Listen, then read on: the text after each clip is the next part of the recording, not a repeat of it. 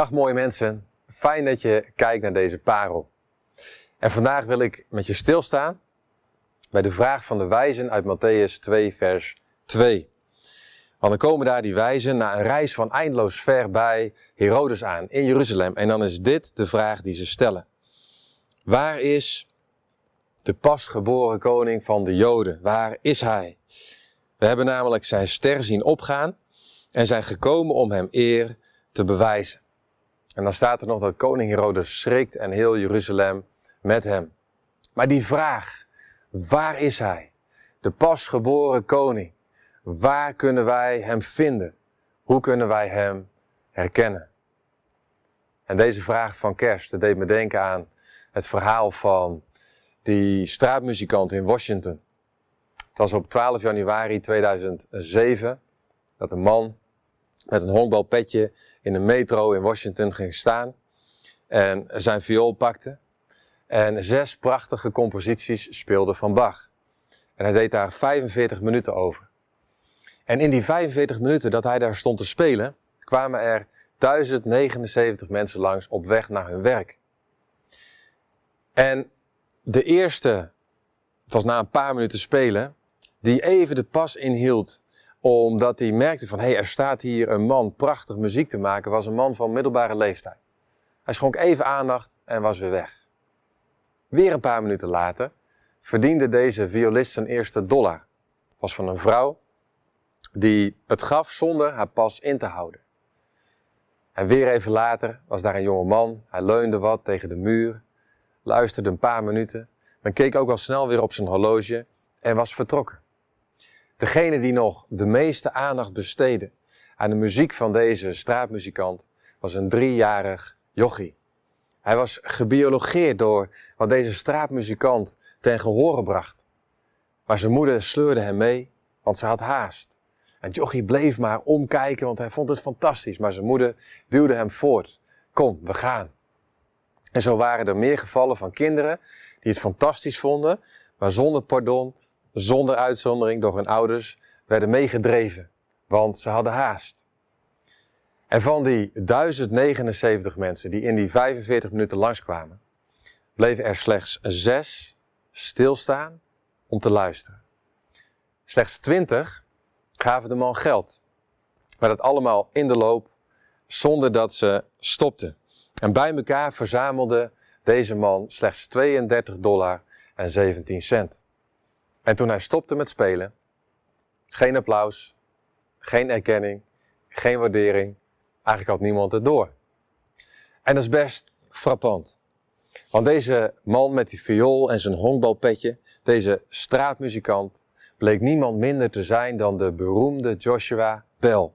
Een van de meest getalenteerde en briljante violisten ter wereld. En zojuist had hij een stuk van Bach gespeeld van wel 300 jaar oud.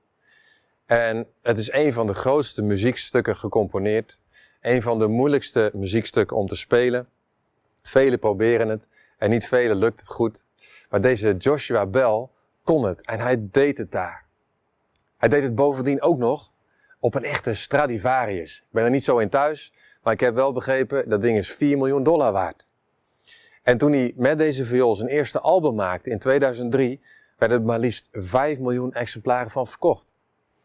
En twee weken voordat hij hier in die metro stond, had hij een concert gegeven in Boston. Concertzaal helemaal uitverkocht. En de gemiddelde prijs voor een kaartje om daarbij aanwezig te mogen zijn, 100 dollar.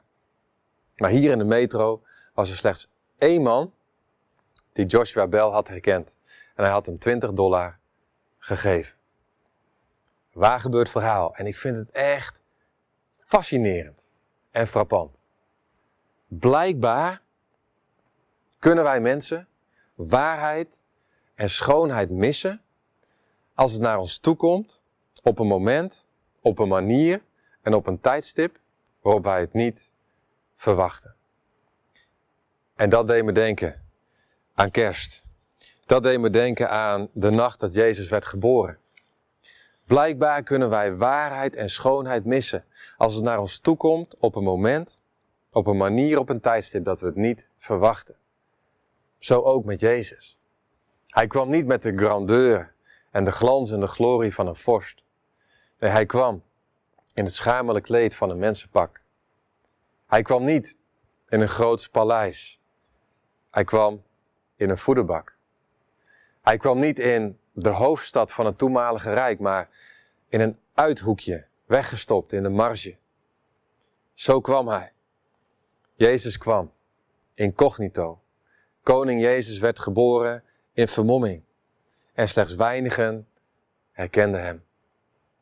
Ik vind het ook fascinerend aan de fariseeën en de schriftgeleerden, zeg maar de godsdienstige leiders.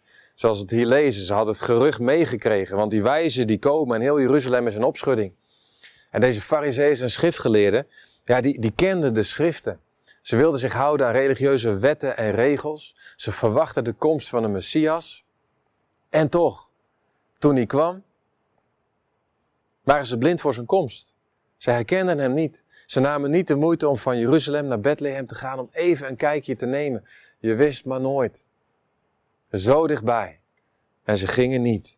Zo dichtbij. En ze herkenden hem niet. Nee, het waren de wijzen van eindeloos ver. Zeg maar de kinderen, de jonkies, die weinig hadden meegekregen van God, die het kind uiteindelijk herkenden. Het waren de herders, zeg maar de straatschoffies, het uitschot, de onderste treden van de sociale maatschappelijke ladder, die hem wel herkenden. Bizar en fascinerend. En tegelijk, ik denk een belangrijke boodschap en een belangrijke les voor ons allemaal ook deze kerst. Want blijkbaar kunnen wij Jezus missen. In het gewone en in het alledaagse, zoals het zich aan ons voordoet. Want hij kwam zo gewoon, hij kwam zo dichtbij. Hij kwam in het alledaagse. En als wij Jezus verwachten in het grootste, in het bombastische, in het sensationele, je zou hem zomaar kunnen, kunnen missen. Zijn aanwezigheid in het midden van het gewone en het kleine van elke dag. Misschien wel in een appje van iemand die zegt: hey, ik heb vanmorgen voor je gebeden. Misschien wel in een blijk van waardering of aandacht die je ontvangt of ook geeft. Misschien wel in een Bijbelvers wat jou onverwacht, ongedacht raakt in je hart, diep van binnen. Het overvalt je misschien. Misschien door iets te doen voor een ander die het niet verwacht en daar ongelooflijk ontroerd of blij van wordt. Misschien wel de glimlach van een kind of alleen maar de blik van iemand die jou voorbij loopt. Zachte ogen, een vriendelijk woord. Eindeloos, noem maar op al die kleine, gewone dingen in het alledaagse. Ik moest denken aan die tekst van Jacobus, waar staat: Elk volmaakt geschenk en elke goede gave komt van de Vader van de hemel lichten. Wat maar wil zeggen, alle sporen van het koninkrijk, al het goede wat wij hier op aarde kunnen vinden, wat ons hart verheugt en wat ons raakt en wat zuiver is en goed, komt van de hemelse Vader. Het is koninkrijk. Het zijn blijken van de aanwezigheid van Jezus in het gewone alledaagse van elke dag. Het waren niet de fariseërs, niet de religieuze elite, niet de mensen die eindeloos bezig waren met godsdienst, die hem herkenden. Het waren de wijzen van ver. Het waren de herders op de onderste treden van de maatschappelijke ladder. De boodschap van kerst. Dat is ook mijn gebed. O Heer, laat ons u herkennen. Deze kerst. In het gewone, in het kleine, in het alledaagse. Open onze ogen voor uw aanwezigheid elke dag. Dat we er niet omheen kijken, onderdoor kijken, overheen kijken. Dat we op zoek zijn naar het bombastische. Nee, help ons om u te herkennen in het kleine van elke dag.